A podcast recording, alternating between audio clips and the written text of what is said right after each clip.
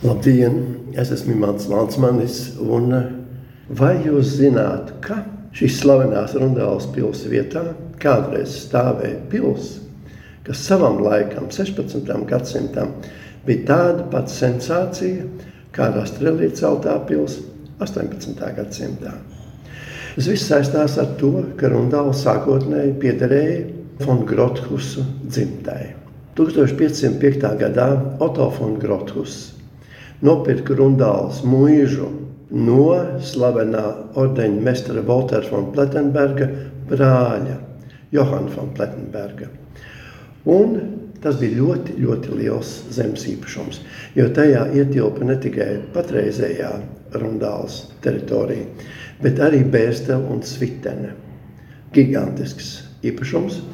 Un tad, kad ap 1527. gadu nomira šis Otto von Grothus, īpašums tika sadalīts starp trim dēliem. Un vecākais Otto II saņēma rundāli.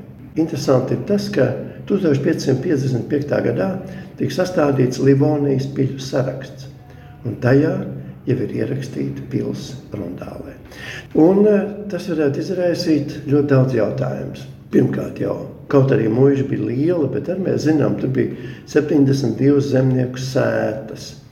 Nu, vai tiešām tie nabaga zemnieciņi varēja sastrādāt tik daudz naudas?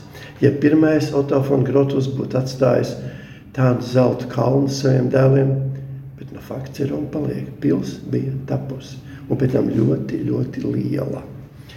Šī pils ir nezināma tāpēc, ka tā būtībā ir tāda nogrimusi pilsēta. Un nogrimos viņa ir tāpēc, ka tad, kad 1735. gadā Rastrelli ieradās šeit Rundālē un bija nostādīts uzdevumu priekšā, pāris gados uzcelt jaunu milzīgu pili, tur bija daudz jautājumu. Viens jautājums, protams, bija, no kā uzcelt ķieģeļi. Jā, ķieģeļus uzreiz saražoja uz vietas no vietējā zemgales māla, bet bija viens ļoti nopietns punkts. Un tas ir laukakmeņi jaunās pilsētas pamatiem. Rastēlī ieraudzīja, ka šeit priekšā ir viena stipra pusagros liela, liela pilsēta ļoti daudz laukakmeņiem. Un jau 1735. gadā no Rīgas garnizona uz ķēzarienes Annas pavēli tika atsūtīti simts zaldāti, pēc tam vēl ieradās simts un jauca nost šo veco pili. Līdz ar to viņi ieguva lielisku materiālu jaunās pilsētas pamatiem. Bet tā ir paceļās jautājums, kur tad von Grothus to ņēma.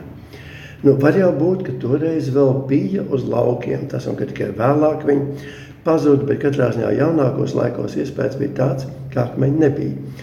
Lūk, tātad Rundāla bija tapusi pils, kur būtībā ir nogrimusi pils, un tikai 2013. gadā sākās arheoloģiskie izrakumi. Jo pat cik Rastrēlī bija tik ļoti, ļoti vajadzīgi šie akmeņi, tam visam piegāja ļoti nežēlīgi.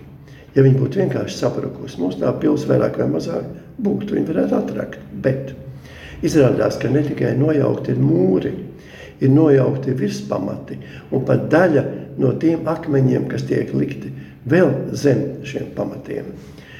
Un tikai vietām viņi saglabājušies, un līdz ar to mēs varam ieraudzīt šo pilsētu kontūru.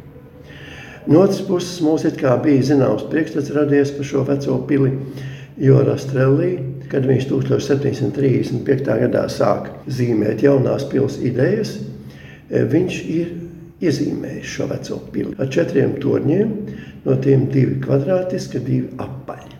Bet tagad, kad arheologi sāka rakt, izrādījās tā gluži nav.